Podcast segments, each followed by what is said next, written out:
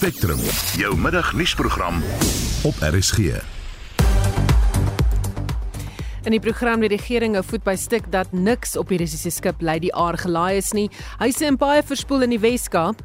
Die slegte weer oor die laaste paar dae het 'n groot impak op ons daaglikse lewens gehad en nog steeds. Inwoners reg oor die distrik van die Kaapse Wynland en die provinsie is geraak. Die stormagtige weer word verwag om die naweek voort te duur tot in volgende week. En ewige gevegte woed nog in dele van Oekraïne. Die span is Justin Kennerly en Daitrin Godfrey. My naam is Susan Paxton.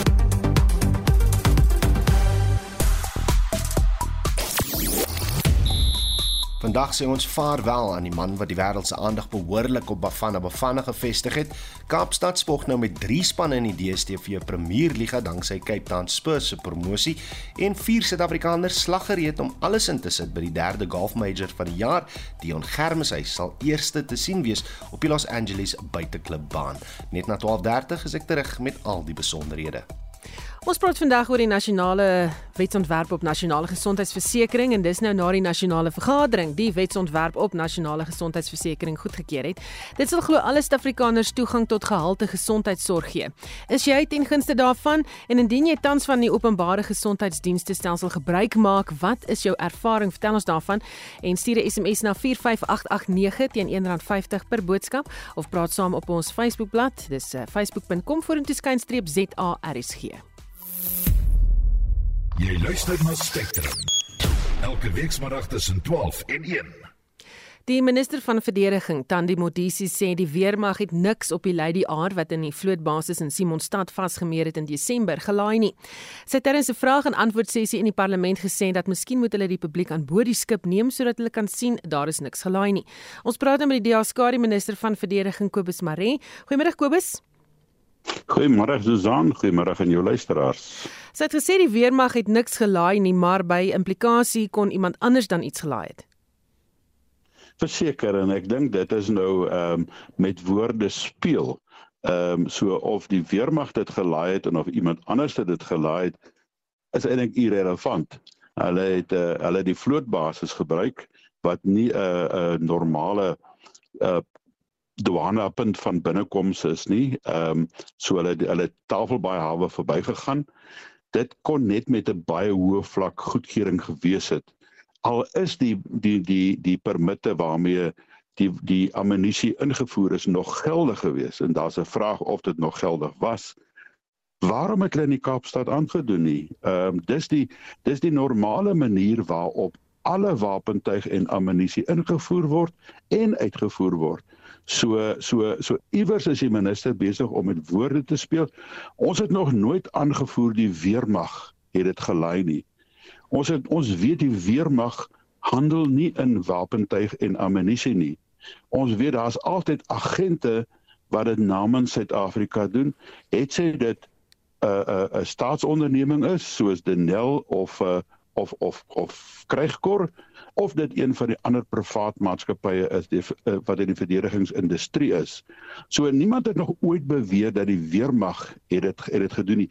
Die feit dat sy die woorde gebruik, die weermag het dit nie gelaai nie. Hulle het dit hulle het niks gelaai nie.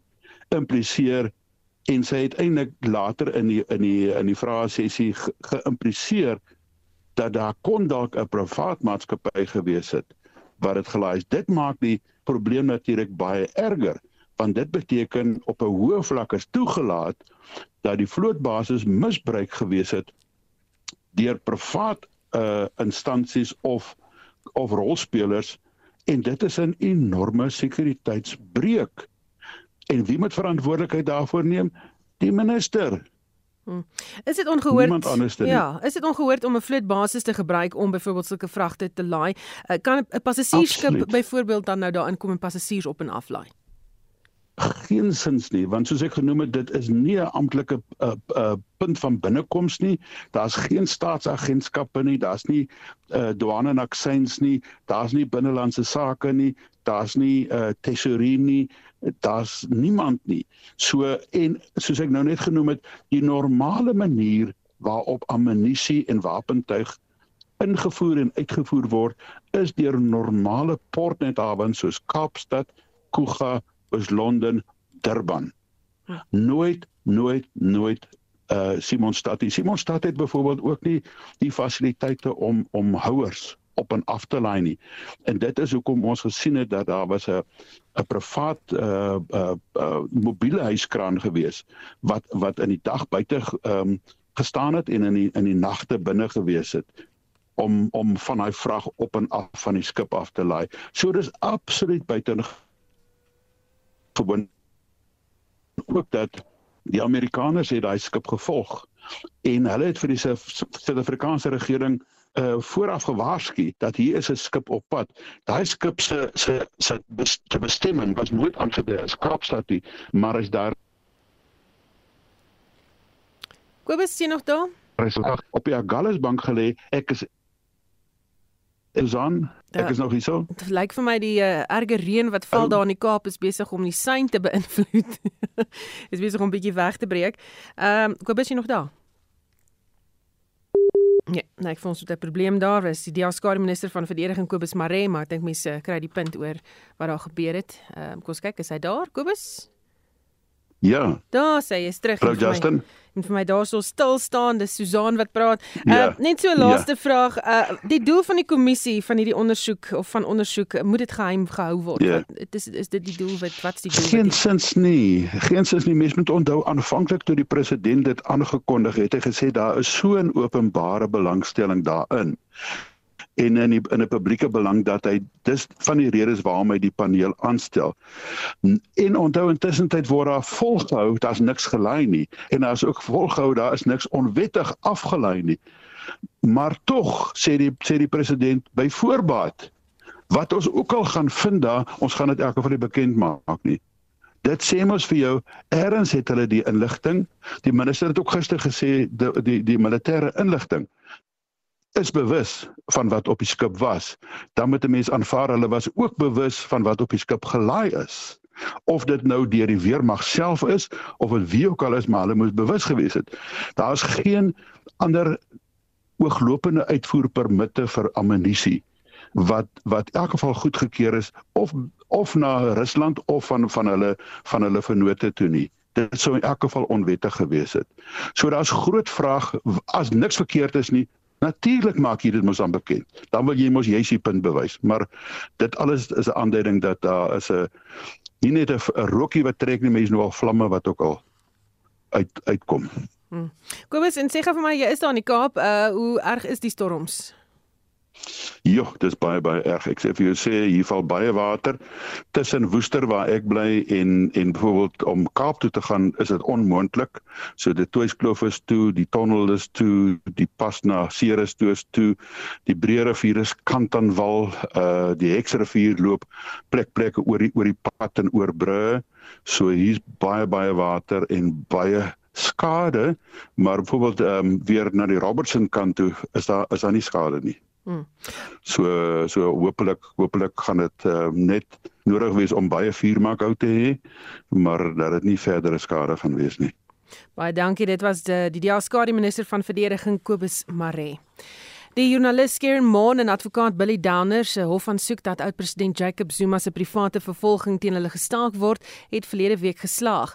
Moon sê die journalistieke landskap in Suid-Afrika het totaal verander. Waar joernaliste voorheen nuus moes deurgee, het hulle later 'n wagondfunksie begin vervul.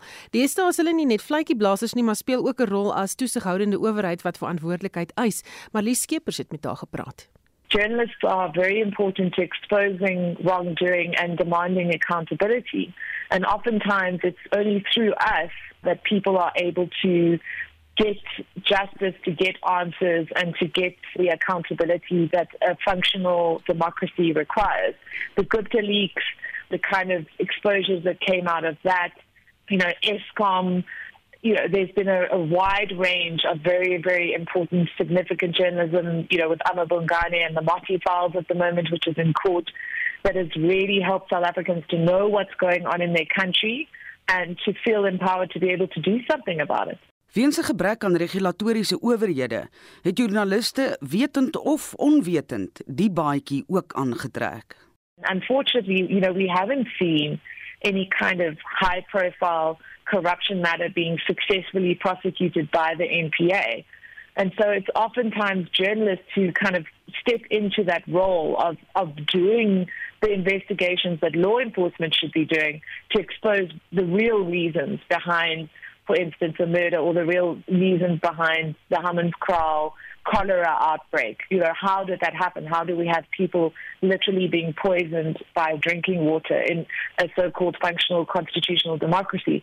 Those kind of issues really are what is compelling journalists more and more to step into the role of being the only outlet that is actually seeking accountability for massive wrongdoing. Joernaliste werk agter die skerms. Maar nadat oud-president Jacob Zuma haar daarvan beskuldig het dat sy sy vertroulike mediese inligting gepubliseer het, was sy skielik deel van die storie. Sy is gedurende die tydperk geboelie en geïntimideer en 'n smeerveldtog van haar is op die internet gevoer. You know, it's a global phenomenon. There have recently been reports about the kind of particularly the abuse that women face. You know, I had people say that I would be raped in prison, you know, those kind of things, wishing death upon me, various other things. But it's very sexist, it's very designed to create fear. And I think the important thing is just to mute and to block and to keep your head down and to just keep doing your job. Because even in doing that, you have triumphed over those people. Wat is die dryfveer wat haar laat voortgaan in haar werk? There's a great saying, and I think it's by Voltaire, and I always stand by it. He says, To the living, we owe respect, to the dead, we owe only the truth. And I think we come from a history where journalism was suppressed, where the apartheid state was putting out, those journalists were putting out stories about flower shows while, you know, black children were being mowed down in the streets. And that wasn't recorded in a proper way. It is so important to record what's happening. It's so important that there is a record. And I think, you know, for Babita Decoran's family, imagine if she had been slain outside her child's school and no one knew the kind of courage and bravery that she'd shown, what she'd been exposing, what she'd been looking at at the time of her death. And it is frustrating because we want accountability. We should expect accountability. I mean, the poorest of the poor in, in this country have been massively abused by the looting culture of the ANC and the way in which corruption has literally fundamentally undermined every single significant institution of this government. But if that's not documented, then I think adds to the sense of you know those people being invisible and being insignificant. I think it's not your job to save people; it's your job to tell their story. Dit was die verslaggewer Keren Mon en ek is Marlie Skeepers vir SAK nuus. Suid-Afrikaanse huishoudelike finansiële gesondheid het in die eerste kwartaal van die jaar versterk en met al die ekonomiese uitdagings wat almal daagliks moet te bowe kom, is die ekonome van Momentum en Unisa baie beïndruk. Ons praat nou met Johan van Tonder, 'n finansiële welstandsekonoom by Momentum oor die jongste Unisa Momentum huishoudelike finansiële gesondheidsindeks. Uh, goeiemôre Johan. Goeiemiddag, hoe gaan dit? Met my gaan dit goed. Klink vir my dit gaan goed met uh jy weet huishoudings ook finansiëel, hoe die indeks vertoon. Ja, die ehm um, die resultate was ietwat gemeng. Maar as ons kyk na die totale rykdom van huishoudings wat spesifiek gebeur het in die eerste kwartaal, dan het die waarde van huishoudings rykdom met amper 400 miljard gestyg na 16.9 triljoen rand. Dis nou ehm um, net vir die eerste kwartaal teenoor die vierde kwartaal van verlede jaar. En uit daardie opsig lyk dit asof ryk eh, of of huishoudings eintlik ryker is want hulle bates het hulle skuld by met daai 16.9 triljoen rand oorskry. Maar as ons kyk uit 'n ander hoek dan lyk dit nie so rooskleurig nie want ek dink almal van ons voel die pyn van rentekoerse en beerdkrag en hoë inflasie. So as ons nou gaan kyk waarom het hierdie rykdom dan nou toegeneem? Dan sien ons dit het dit is eintlik maar inflasie. So ons rykdom het met inflasie toegeneem, maar as ons nou ver dieper gaan en ons vergelyk dit met 2015 dan sien ons dat ons rykdom eintlik met minder as inflasie toegeneem het. So vergeleke met 2015 is ons rykdom so amper 240 miljard minder as wat dit was. Met ander woorde, ons rykdom kon 240 miljard minder koop as ek nou in koopkragterme uh, kan uitdruk. So ja, dis nog steeds indrukwekkend gegee die verskriklike ekonomiese omgewing en internasionale omgewing waarin ons ons bevind nou, maar in ehm um, koopkragterme is is huishoudings huishoudings eintlik maar bietjie bietjie armer vergeleke met 2015. Hmm. Jy het ook gekyk na wie is regtig wel af en wie nie en dit was 'n interessante bevinding want die rykste van die rykstes is nie noodwendig die rykste nie. Ja, 100% mense is uh, veral wanneer ons kyk na 'n rykdom, dan kan jy op uh, verskillende maniere daarna kyk. Jy kan net kyk na uh of laat ek dit so stel, as jy van hoog na laag groepeer, en net kyk na rykdom, dan sien jy, sjoe, die die rykes is baie baie ryker as die armes. Maar wanneer ou gaan kyk en jy groepeer die rykdom volgens inkomste, met ander woorde die uh armste 1% in terme van inkomste en jy kyk na hulle rykdom en dien dan dan die 100 uh, 100ste persentiel en die hoogste uh inkomste verdiener en jy kyk na daai rykdom dan sien jy dat die gaping nie so groot is nie. Met ander woorde, wat dit vir ons sê is die gaping tussen die rykstes en die armstes is verskriklik skeef.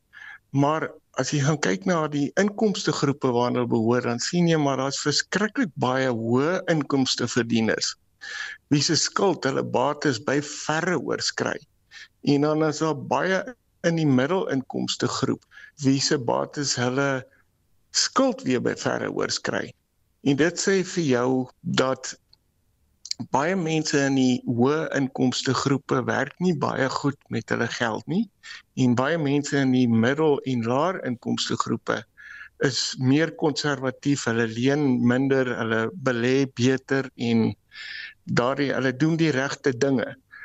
Met die gevolg as ek net 'n syfertjie of so kan noem, as mens gaan kyk na jou ehm um, jou top 10 huishoudings net in terme van rykdom. Hulle besit ongeveer 80% van die totale rykdom in die land. Maar as jy net gaan kyk na jou top 10% inkomste verdieners, dan besit hulle minder as 50% van die rykdom in die land. So dis baie belangrik om te kyk wat jy met jou inkomste doen en hoe jy dit aanwend en dat 'n ou baie versigtig moet wees wanneer jy interpreteer of dink dat die mense met die hoogste inkomste is ook die rykstes. Dit is nie die geval nie. Hm. Baie dankie. Dit was Johan van Tonder, 'n finansiële welstandsekonoom by Momentum. Die tuinroete in die Weskaap se bekende Nysna Oesterfees vier sy 40ste bestaanjaar. Die Winterfees beloof om 10 dae van avontuur en pret vir die hele gesin te wees. Die fees het in sy beginjare gefokus op die Nysna Oester, maar het later ontwikkel tot 'n avontuurbelaaide sportbestemming vir adrenalienverslaafdes. Tanya Krause doen verslag. Met slegs 2 weke oor voor die begin van die fees, het die organiseerders ook nie slap gelê met die bekendstelling nie. Oesters was natuurlik aan die orde van die dag met 'n spesiale fokus op die proef van die wilde nysna oester wat net buite die nysna koppe groei. As 'n toeristebestemming stel die fees ten doel om meer besoekers te lok in die winterskoolvakansie. Rose Bulbrow is een van die organiseerders. Wat ons op fokus in in hierdie area is vir die familie om die hele plek te geniet as ook om die uh, natuurlike goed te geniet soos jou woud en jou staproetes en jou strande en daar's baie goed vir die familie met vir kinders. So ons is baie georiënteerd vir die kinders. Daar's poele wat hulle kan ondersoek en daar's kunsgoeder wil doen. Die hele dorp trek voordeel uit die fees, insluitend plaaslike besighede. Die eienaar van The Spice and Tea House, Sancha Hedlow, daar's baie besighede wat deelneem en nice spesiaal maak. En jy kan na bier besighede toe gaan of tee soos ek ek spesialiseer in heuningbos, maar enige tee. So nice het ook baie aantreklik verskillende dinge vir vir mense. Besoekers Nikki de Tooi en Clifford Roberts het die feesbekendstelling bygewoon. Alles Alles is lekker, selfs as die weer sleg is, is hierdie plek 'n vibe. Ons staan hier byvoorbeeld by die Red Bridge en ehm um, jy begin met 'n 'n ginger beer tot en met 'n gin wat um die armpies so 'n bietjie geglip het. Maar um dis absoluut ongelooflike experience. Die mense wat hier is is ongelooflik. En ek sê altyd selfs in my company, dis dat oral is dit lekker, vind net die lekker mense en sover was dit al wat ek gekry het hierso. So daar's so baie om te doen en ek dink as jy oorweeg om enigstens na hierdie deel van die wêreld te kom is nou die tyd om te kom. Jy weet die brouwerye is reg en afgestof en die Nysna Olifantpark is 'n fantastiese plek vir kinders om te om ontdek en on, ondersoek. Daar's allerlei klein besigheidjies. Ons het vanoggend 'n 'n tee en spesery proe gedoen uh in die dorp wat net so interessant was. So so ja, ek dink uh dis 'n wonderlike geleentheid. Die fees vind plaas vanaf 30 Junie tot 9 Julie. Ek is Tanya Krause op Nysna in die Wes-Kaap. Die DA het gister hofstukke by die Hooggeregshof ingedien teen die konsepregulasies ingevolge die wysigingswetsontwerp op billike indiensneming, ook bekend as die wet of gelyke of opgelyke indiensneming. Die DA-leier John Steenhuisen sê die rassekwotas wat ingevolge die wysigingswetsontwerp toegepas moet word, is niks anders nie as apartheidsera regulasies wat ten doel het om skeiding tussen rasse te veroorsaak en om werksgeleenthede aan Suid-Afrikaners te bied, maar net volgens hulle velkleur. Ons praat nou hieroor met die DA-LP en skare minister vir staatsdiens en administrasie Dr Leon Schreiber. Goeiemôre Leon.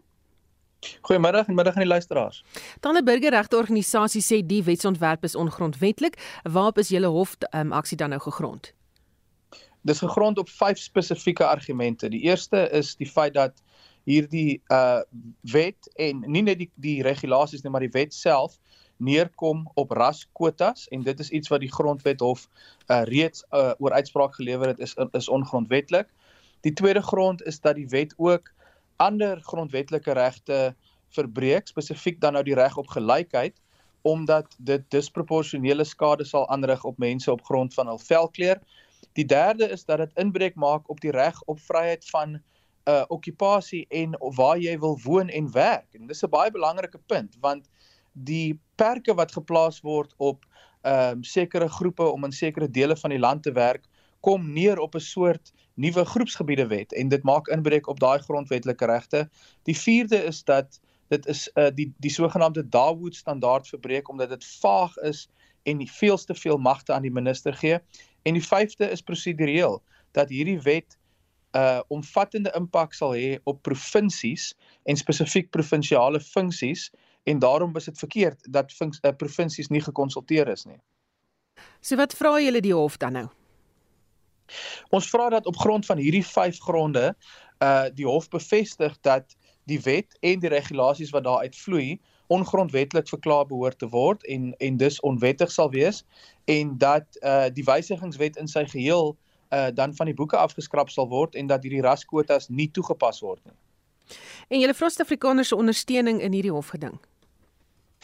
Ja, ons het uh as deel van die voorbereiding vir hierdie hofsaak in diepte navorsing gedoen en ons kan ook vandag dan sê aan die mense van Suid-Afrika dat uh meer as 27000 uh besighede, ander instansies ehm um, sal kwalifiseer as sogenaamde designated employers volgens hierdie wet wat sal beteken dat hulle moet voldoen aan hierdie kwotas.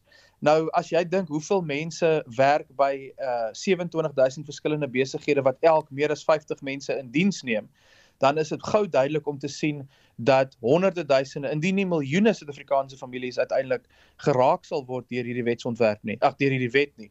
So, ehm um, ons vra Suid-Afrikaners om saam met ons te staan en dit duidelik te maak dat hulle nie gaan voldoen, voldoen aan 'n wet wat oneties en onaanvaarbaar is nie en die DA is ook reeds besig om te mobiliseer om op ander maniere uh ons uh protes teen hierdie wet uh duidelik te maak en ons vra dat Suid-Afrikaners nou sal saam staan want dit is baie duidelik dat hierdie wet ontwerp is om ons te verdeel op grond van ras en dat dit gedoen word met volgende jaar se verkiesing in die oog deur die ANC. Beteken die wetgewing dat rassekwalifikasie in werking moet tree voordat die wet toegepas kan word? Die wet sê dat die konsepregulasies wat nou uitgereik word, die kwotas wat waar waaroor uh, wat nou in die openbare domein is, dat mense nou moet kommentaar lewer op hierdie kwotas. Ehm um, die tydperk vir uh, kommentaar het nou ehm um, verval. Die DA het ook ons kommentaar en teenkanting teen die regulasies uitgespreek.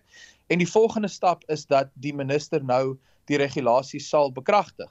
En op daai stadium is dit iets wat dan uh, van toepassing sal wees ehm um, indien die wet nie ongrondwettig verklaar sou word nie. So dit is waarom hierdie saak regtig nou 'n kwessie van oorlewing is vir 27000 Suid-Afrikaanse besighede en die honderde duisende mense wat hulle in diens neem.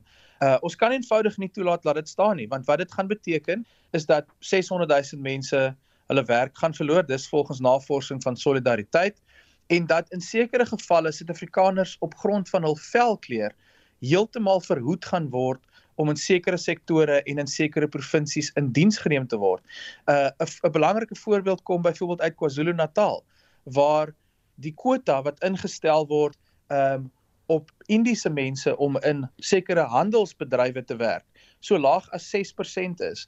Maar as jy kyk na sekere gemeenskappe in KwaZulu-Natal, dink nou maar aan Chatsworth of Phoenix waar dit uh byna 100% Indiese mense is wat daar woon. Hoe gaan jy nou al daai mense moet afdank 94% van hulle om te voldoen aan hierdie 6% kwota? Dis waansin. Baie dankie. Dit was die DEA se skare minister vir staatsdiens en administrasie Dr Leon Schreiber. Jy luister na Spectrum elke weekmiddag tussen 12 en 1. Ons kry uh, net hierna die jongste oor die oorstromings in die Wes-Kaap bly ingeskakel.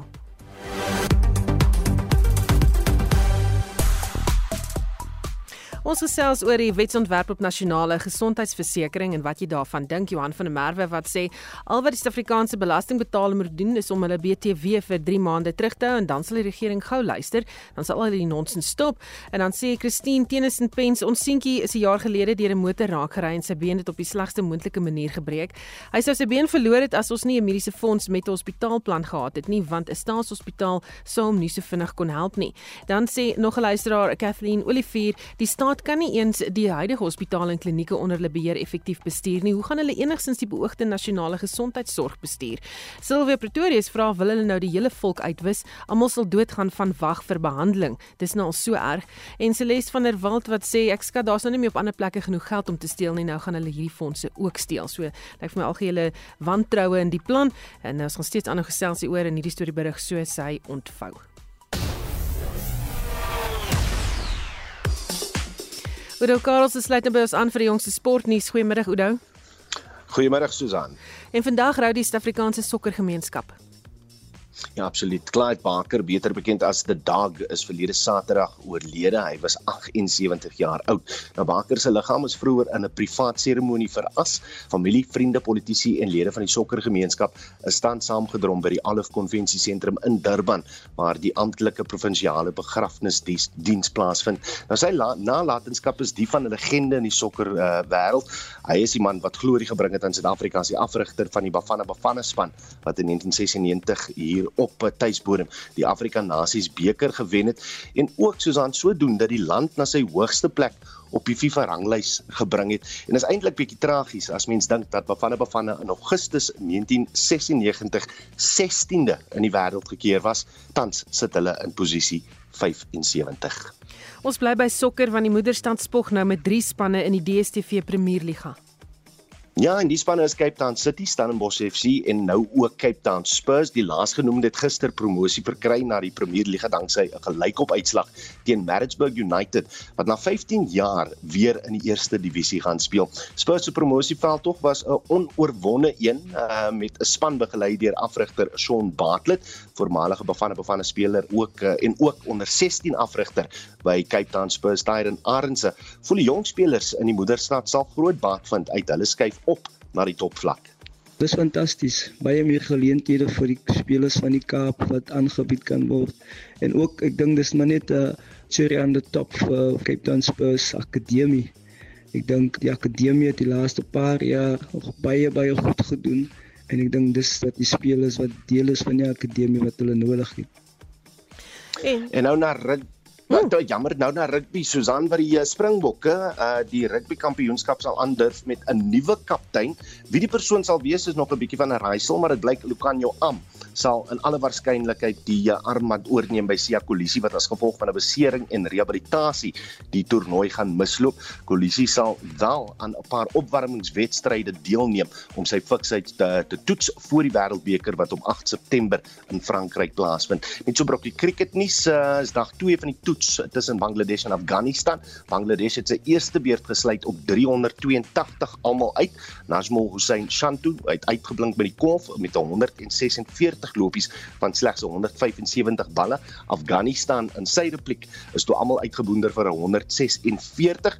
Bangladesh nou weer goed op dreef op uh, in hulle tweede beurt en as ek net kyk na die telling daar tans uh, sit hulle op 59 vir die verlies van een paadjie en uh, dis nou 'n voorstand van 295 lopies. En ons sluit af met golf want die jaar se derde major begin vandag. Ja, vier Suid-Afrikaners is onder die 165 spelers wat sukses jag by die Los Angeles buiteklub in Hollywood. Dion Germs hy speel in dag se heel eerste groepering. Hy slaan so kwart voor 4 af vanmiddag. Ulrich Potgieter, Wilco Ninaber en Tristan Lawrence sal ook die Suid-Afrikaanse vlag daar omhoog hou. En dit was Udo Karls met die jongste sportnuus. Jy luister na Spectrum. Op RSG. Daar word vanmiddag voor die nasionale vergadering gedebatteer oor die moontlike verskywing van die parlement vanaf Kaapstad na Pretoria. Dit volg nadat die EFF die nuwe voorgestelde wetgewing verlede jaar voor die nasionale vergadering ter tafel gelê het.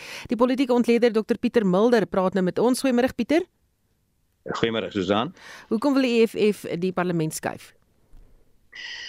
Wel, ek dink dit is 'n slim skuif nou na die parlement gebrand het eintlik. Maak hulle nou 'n voorstel soos die Jy onthou die probleem in die parlement is die regering bepaal die agenda eintlik. Hulle bepaal wat belangrik is wat gedebatteer word, byvoorbeeld hierdie gesondheidsversekeringswet of die rasse en diensnemingswet. En oppositiepartye sukkel om onder die aandag te kom. Nou 'n manier is om 'n mosie voor te stel en dit moet dan gedebatteer word of 'n ander manier is om 'n wetsontwerp, 'n privaat wetsontwerp voor te stel en dit moet gedebatteer word. En ek dink dis waarmee hulle besig is. Dit 'n slim skuif nadat die parlement nou gebrand het en dit gaan 2 miljard kos om reg te maak om dan so 'n voorstel te maak en hooplik 'n bietjie aandag te kry en bietjie media dekking ja. Die EFF het nou hierdie eh, voorgestelde wetgewing ter tafel gelê. Daar word vanmiddag daaroor gedebatteer. Hoe sal die proses verder verloop? Wel die wet is al verlede jaar voorgestel en word nou op die agenda gesit wat jy laat dink dat die regering dit nie as baie belangrik beskou nie. So vanmiddag as iemand so op parlement wil gaan kyk, gaan daar twee sessies wees want uit die parlement verdeel die laaste ruk alles omtrent virtueel. So dit gaan oor die internet wees. Die een deel van die parlement gaan dan 'n mosie debatteer uiteindelik wat handel oor gestremdes en as 'n tweede mosie oor IFP en die tweede deel gaan mosie wees oor mynwese en dan die EFF wet. So dis vier dinge waarvan die EFF maar een is wat my sê dis nie so belangrik nie. Die mosie gaan dan gedebatteer word en ek dink die mosies gewoonlik raak net weg daarna. Die wet waarskynlik gaan ook gedebatteer word en dan gaan ons besluit. Die parlement sal besluit wat gebeur daarna uiteindelik. Ons gaan hoor die EFF sal dit inlei, ons lê argumente hoor en dan kan hy dadelik afgekeur word of hy kan na 'n portefeulje komitee verwys word wat dit dan verder moet hanteer. Dit gaan waarskynlik prosedure wees vanmiddag, ja. Wat is die kans dat die skuif wel sal plaasvind? Dit is 'n skraal, ek weet nie, ek is 'n skraal kans, kom ek sê die grondwet sê as jy artikel 46.6 gaan kyk dat die parlement in Kaapstad vergader soos in die grondwet. Maar dan sê ek ook saam, jy kan 'n wet maak soos wat die EFF nou voorstel om hom te skuif.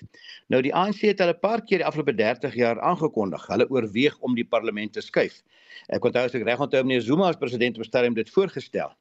Maar dit nog nou toe nog niks daarvan gekom nie. Nou as die dink vanmiddag nie afgekeur word nie, maar na 'n komitee verwys word, so ek sê waarskynlik openbare werke, dan moet hulle 'n bespreking voer en dan moet hulle terugvoer gee aan die parlement en dan gaan die parlement sê ja of nee, die proses gaan aan of hy stop dalk net daar. Nou moet ek by sê in my tyd en tot nou toe is daar bitter min privaat wette van ander partye se ANC wat deurgegaan het. Ek kan hulle op my een hand noem uiteindelik So ek is nie seker dat die kans goed is vir so 'n privaat wet nie, was die ANC het nie steun nie ja. Hmm. Jy het effens daan geraak, maar is 'n is dit 'n wyse besluit of net 'n mors van geld? Maar dis nie so onwyse voorstel nie, moet ek eerlik wees. Weet dit is moontlik om 'n hoofstad te skuif en 'n parlement te skuif. Die Duitsers het bevoel hulle parlement van Bonn na in Wes-Duitsland na Berlyn toe verskuif. Nou in 1994 was daar 'n baie ernstige debat om van Kaapstad na Pretoria te skuif want dit is 'n baie duur storie om mense heen en weer te ry die hele tyd. En die somme daai tyd wat gemaak is, was dit moontlik om binne 7 na 10 jaar die koste om alles nuut oor te bou hierso te verhaal van die koste om mense heen en weer te vervoer. En ek moet eerlik bieg, ek was te gunste daarvan, maar selfs my eie party en al die ander partye was verdeel daaroor. Nou interessant die ANC se argument daai tyd was niemand hou hom in die Kaap. Die Nasionale Party het nog gewen in 94 die Wes-Kaap. As ons die parlement nou skuif, vervreem ons dit. Ons wil eers die Wes-Kaap ook ANC maak. Nou dit het nou verval heeltemal. Die dilemma is nou na 30 jaar lyk die situasie anders. Jy weet parlementslede het huise gekoop, hulle het kinders in skole gesit. En ek dink is baie moeiliker nou waar die geld op is. Die regering het nie meer geld vir ener luksus soos 'n verskywing nie. Want wat behels dit? Dit behels 'n nuwe parlement moet in die noorde gebou word. Ek weet nie waar presies nie, met kantoorgeriewe. 300 parlementslede waarskynlik van die 490 woon nie naby genoeg aan Pretoria nie. Hulle moet vir 'n plek kry. Daar's tans 3 parlementêre dorpe in die Kaap waar die parlementslede en amptenare woon. Dit raak 1300 parlementêre personeel wat of hulle werk verloor of moet skuif. So as ek met opsom dink ek dis 'n luukse wat die regering nie regtig in Suid-Afrika nie tans kan bekostig nie. Ek dink daarom is dit skraal dat dit gaan plaasvind. Baie dankie. Dit was die politieke ontleder Dr Pieter Mulder. Ontwrigtende reën het Dinsdag en gister oorstromings in groot dele van die Wes-Kaap veroorsaak. Brûe en infrastruktuur is beskadig en talle paaie is gesluit. Talle Wes-Kaapenaars is dit eens dat oorstromings van die aard nie in dekades al plaasgevind het nie. Die Suid-Afrikaanse weerdiens waarsku dat die koue en winderige toestande nog tot na die lang naweek kan voortduur. Veral Bos, die Parel en ander dele in die Kaapse Metro het deurgeloop onder oorstromings. Ons praat met die woordvoerder vir die Kaapstad Metro se rampbestuur afdeling Sonika Lategan. Goeiemôre Sonika. Goeiemiddag en middag aan die luisteraars ook. Hoe lyk dit in Kaapstad? Is daar baie skade? Ehm um, dit lyk slegs in die Kaap. Die skade is groot, ehm um, die skade is oral oor die stad. Ehm um, baie van ons of van ons riviere het oorstroom, soos die Lourensrivier in die Helderberg area waar 'n Eskom Eskom substasie oorspoel het en natuurlik verantwoordelik was vir die hele Helderberg area um, om nie elektrisiteit te hê van gister af nie. Dit is wel herstel vanoggend. Um, ons het ook die Keisrivier wat oorspoel het in Tukai en um, van die besighede daar het um, vloedskade opgedoen. Die Mosselbank rivier het ook oorspoel um, en huise in Philadelphia en Klipheuwel um, was ook daar um, geaffekteer en dan het ons ook die Eerste rivier, Kuilsrivier wat oorspoel het um, in die Zanklei Makassa area en dan ook 'n plaasdam op Joostenberg vlakte. En dan is daar ook um talle van ons informele nedersettings um wat oorspoel het en ook paaie en, en en um moddersoorte wat ons ondervind het. Hmm. Is die stadse rampbestuur afdeling besig met opruimingsoperasies of word dit deur die reën bemoeilik? Weet jy ons rampbestuurspanne is op die oomblik besig uh, met assessering dit is nou van gister af al. So uh, elke keer wanneer daar uh, verslag of rapporterings deurkom dan gaan hulle uit om assessering te doen om die skade te bepaal en dan ook um, om te bepaal watter hulp nodig is. Maar dit is um, ons doen dit in samewerking met die res van die stad se se um, dienste wat ons lewer soos die paaie en stormwaterafdeling, die water en sanitasie afdeling ons parke afdeling, ons elektrisiteitsafdeling, ons brandweerdienste en almal werk saam. Um, ek weet ons elektrisiteitsafdeling het deur nag gewerk om te verseker dat die Helderberg area weer van elektrisiteit voorsien kan word vanoggend. Hmm. Is enige mense of diere beseer en hoeveel mense moes reeds uit daardie gebiede ontruim word? Ehm um, sover weet ek net van een dame wat na die hospitaal na 'n hospitaal toe vervoer moes word. Sy was deel van 'n groepie uit die Makassa um, omgewing wat ehm um, deur ons brandweerdienste gehelp was om ehm um, om hulle te onderruim want hulle was vasgekeer. Ehm um, dan is daar ook mense wat ehm um, skoolkinders wat by St Paul Primêre Skool ehm um, onderruim was en mense van die ou Vore Wynplaas, hulle is almal in 'n kerk gehuisves, daar's omtrent 77 van hulle wat in die kerk gehuisves is. En dan is daar ook 'n diere skuilings in Brackenfell. Ehm um, wat vloedskade opgedoen het, maar sover weet ons ehm um, weet ons nie of daar enige van die diere onderruim was nie dit is net um hierdie mense wat ek nou opgeneem het in die area en dan nie die een dame wat hospitaal toe moes gaan. Baie dankie ons het gepraat met die woordvoerder vir die Kaapstad Metro se rampbestuur afdeling Sonika Late gaan. Intussen vra die burgemeester van die Kaapse Wynland Distriksmunisipaliteit Elna von Schlecht dat mense hierdie lang naweek eerder by die huis bly sodat baie toeganklik is vir nood- en opruimingsspanne. Die slegte weer oor die laaste paar dae het 'n groot impak op ons daaglikse lewens gehad en nog steeds. Inwoners reg oor die distrik van die Kaapse Wynland en die provinsie is geraak. Die stormagtige weer word verwag om die naweek voort te duur tot in volgende week. Ek vra asseblief alle inwoners van hierdie distrik om die lang naweek liewer tuis te bly en slegs te reis indien dit absoluut noodsaaklik is.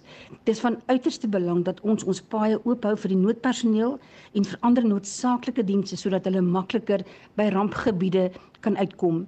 Indien daar geen ander opsie is en u moet reis, volg asseblief die verkeers- en padinstruksies.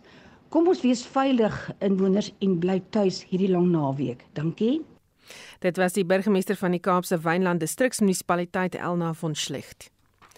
Buitelandse nuus: Ewige gevegte woed in dele van Oekraïne. Die adjunkminister van verdediging Hanna Malier sê die weermag kon tot naby Bakhmut en Zaporizhia vorder as deel van die lente-offensief wat Oekraïne geloods het. Vir die jongste oor verwikkelinge daar praat ons nou met die politieke ontleder aan die Universiteit Pretoria, Roland Henwood. Goeiemôre Roland. Goeiemôre Susan. Kan mense al sien wat Oekraïne beoog met hierdie lente-offensief? Nee, ek dink dit is heeltemal te vroeg. Wat ons wel sien is dat daar aktiwiteit oor 'n baie breë front is en dit is waarskynlik deel van die toetsing en te kyk wat is moontlik, waar is die swakpunte en waar's die geleenthede, maar van 'n spesifieke gefokusde ehm um, offensief is daar nog nie sprake nie. Ehm um, wat dit ook wel baie moeilik maak natuurlik is die dam wat se walstuk ontplof het en die watervloede, die verloop van die rivier wat verander is en al die ehm um, humanitêre probleme wat dit skep. Dit het definitief 'n groot invloed op wat aanvanklik moontlik was, dalk beplan was en wat nou besig is om te gebeur um spesifiek in ten opsigte van die militêre offensief. Gee dit vir mense aanduiding wie agter die jy weet aanval op die dam dan sit. Op die stadium lyk dit asof dit heel waarskynlik Rusland is omdat hulle die meeste onmiddellike voordeel daaruit trek en dit dui waarskynlik ook op 'n mate van desperaatheid dat dit die tipe ehm um, aktiwiteite wat die taktiese operasies wat Rusland moet loods om enigsins te probeer om druk op Oekraïne te hou en te keer dat die aanvalle kom waar die Russe dalk gedink het dit gaan kom. En uh, is dit genoeg om Rusland uit te dryf hierdie uh, lente-offensief van Oekraïne? Dit sal 'n mens moet wag en sien. Ehm um, dit gaan baie moeilik wees. Dit gaan nie maklik en vinnig wees nie. Die Russiese magte is definitief baie goed ingegrawe. Wat ons sien in terme van die wat bekend is is dat ons kyk na die waarskynlik die beste ingegrawe loopgrawe verdedigingslinies die grootste in Europa sedert die Tweede Wêreldoorlog. En dit sê vir 'n mens dat die Oekraïense magte gaan formidable teenstand kry en dit gaan nie maklik gaan nie. daarmee saam die volgehoue druk van Rusland deur volgehoue aanvalle op burgerlike teikens op Kiev en en dorpe en dit is alles deel van die druk wat op Oekraïne geplaas word deur die onsekerheid maar ook die sielkundige effek van aanvalle op die families en die burgerlikes in die land. En uh, die president van Oekraïne, Volodymyr Zelensky, het vroeër uitgevaar teen die Russiese president Vladimir Putin omdat sy troepe aanval geloods het op mense tydens 'n reddingsoperasie um, uit daardie vloedwater. Wel ek dink dit pas in by die beeld wat 'n mens begin vorm van Putin en die gebruik van sy magte dat menseregte en humanitêre oorwegings glad nie tel nie. En dis natuurlik deel van sy strategie is om uh, verontmensing amper van Oekraïne. En en en dit weet ons in die verlede is is iets wat inpas by hoe die Russe funksioneer en Putin is besig om dit volledig te gebruik. En weer eens plaas dit natuurlik baie groot emosionele druk op die Oekraïense magte. En uh, net laastens 2 miljoen kinders volgens UNICEF het uit Oekraïne gevlug. Uh, dit raak 'n al groter ramp. Ja, die die vlugteling kwessie is altyd deel van konflik en in hierdie geval is dit 'n massiewe groot probleem want jy sit met groot getalle wat geakkommodeer moet word in onder moeilike omstandighede en dit dra natuurlik by tot die totale en en ineenstorting, die verval van die Oekraïense samelewing. Baie dankie, dit was die politieke ontleder van Universiteit Pretoria, Roland Henwood. Noord-Korea is reeds dekades lank van die res van die wêreld afgesny. Die situasie is vererger toe die regering in Januarie 2020 met die uitbreek van die COVID-19 pandemie die landsgrense gesluit het. Maar gerugte dat burgers in Noord-Korea van die honger sterf weens 'n dreigende koskrisis, het die BBC genoop om ondersoek in te stel. Etsie de Klerk is hier in die ateljee en het vir ons meer besonderhede. Is reg Susan, onder die tiraniese eisterhand van Noord-Korea se president Kim Jong-un word landsburgers verbied om kontak met die buitewêreld te hê. En oor 'n tydperk van etlike maande het die BBC met behulp van die organisasie die Daily NK wat in verbinding is met verskeie bronne in die land, kontak gemaak met drie landsburgers wat graag hulle stories wou vertel oor die katastrofiese tol wat hulle inperking op hulle lewens eis. Hulle verstaan hulle kan doodgemaak word as die regering daarvan uitvind en die BBC het hulle name verander en nie hulle eie stemme gebruik nie. Hulle vertel stories van hongersnood dat hulle nêrens heen kan ontsnap nie en twee van hulle sê van hulle bure is reeds aan verhongering dood. John Ho was 'n konstruksiewerker wat naby die Chinese grens gewoon het. In our village, five people are starved to death. In one family, their wife was too ill to work, so two children were surviving by begging. In the end, all three of them died. At first, I was afraid of dying from COVID, but then I began to worry about starving to death. Die ondersoek is deur die BBC se korrespondent in Seoul, Jean McKenzie, gedoen en sy het met behulp van die Daily NK kontak gemaak met die drie mense wat in verskeie dele van Noord-Korea woon. So it's impossible to talk directly to people in North Korea. So what we had to do was work with an organization that has a network of sources inside the country. We then worked very closely with these sources to get the questions to people and then have them relay the answers. But it was a painstaking process. It's taken us many, many months because we had to drip feed the information. It was sent back in hundreds of different installments because it was too risky even to send one complete answer at a time En hier is 'n amptenaar van die Daily NK. 분들하고 좀 친한 그리고 Our sources found people they trust 이런 북한의 안 좋은 현재 who want to tell the world how bad the situation is in North Korea. 외부에 알려주고 싶다라고 하는 의지를 가지고 계신 분들을 Ji Jung woon in Pyongyang, een van die rykste dele van Noord-Korea. Sy sê ook dat hier kosvoorraad besig is om op te raak. Once, I didn't eat for two days. I thought I was going to die in my sleep at night. My husband and I survived by thinking 10 more days. And then another 10 days, thinking if something happens, we might starve, but at least we'll feed our kids. There are lots of beggars now. If they're lying down, we check them and usually find they're dead. There are others who kill themselves at home or disappear into the mountains. Die beweringe van verhongering en hongersnood kan volgens die BBC en ander organisasies in Noord-Korea vergelyk word met die toestand in die land in die laat 1990s, toe sowat 3 miljoen mense gesterf het. Hannah Song van die Database Sentrum vir Menseregte in Noord-Korea beamoed dit. For the past 10, 15 years, we rarely heard of death by starvation. That was something that happened during the late 1990s or early 2000s. But to hear it happening again in the past two, three years, I think is taking us back to the arduous march, which was the most difficult period for the North Korean people. Toe die regering van Noord-Korea die landsgrense 3 jaar gelede weens die pandemie gesluit het, is bitter min kosvoorraad en medisyne die land ingebring en die land produseer nie genoeg kos om aan die hele bevolking te kan voorsien nie. Talle landsburgers verdien ook hulle geld deur produkte te verkoop wat hulle oor die grens in China aankoop en dikwels in die land insmokkel, maar niemand kan die grense sedert die pandemie oorsteek nie. Hier is wat nog een van die bronne vertel. During one lockdown, I know of five people that were trapped in their house for 10 days. They were half dead by the time they were let out. They managed by sneaking out at night to get food.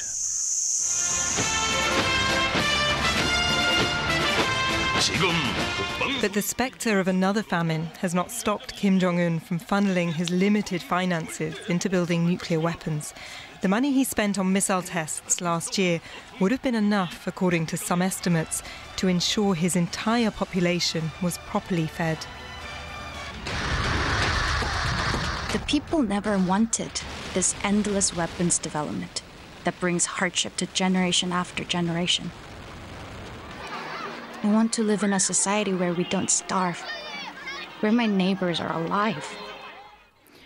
Die BBC het hulle bevindinge aan die regering van Noord-Korea gestel en die Noord-Koreaanse ambassade in Londen het in antwoord daarop gesê en ek haal aan die inligting is nie feitelik korrek nie omdat dit verkry is van gefabriseerde getuienisse van teenregeringsmagte. Die regering het nog altyd die belange van sy mense vooropgestel en het 'n onwrikbare toewyding tot die welstand van landsburgers. Baie dankie. Dit was Essie wat ons verslag gedoen het oor daardie verslag deur Jean McKenzie van die BBC. Net sê vir ons groete laaste SMS terugvoer. Iemand wat sê was onlangs in 'n provinsiale hospitaal, dit was nag daarna na 'n privaat hospitaal in Bloemfontein onverbeterlik top sê lappies. So hy weet nie eintlik so lekker van hierdie verandering nie. Uh, dankie dat jy vandag saamgestel gesels het. Onthou vorige uitsendings van al ons nuusaktualiteitsprogramme is op rsg.co.za beskikbaar. Skakel in om kwart voor 6 vir Brandpunt waar die span 'n samevatting van die dag se nuus gebeure het. Ons het namens soos uitvoerende regisseur Nicoline de Wee, die redakteur Justin Kennerly en produksieregisseur Daitrin Godfrey. My naam is Susan Paxton bly ingeskakel vir 360.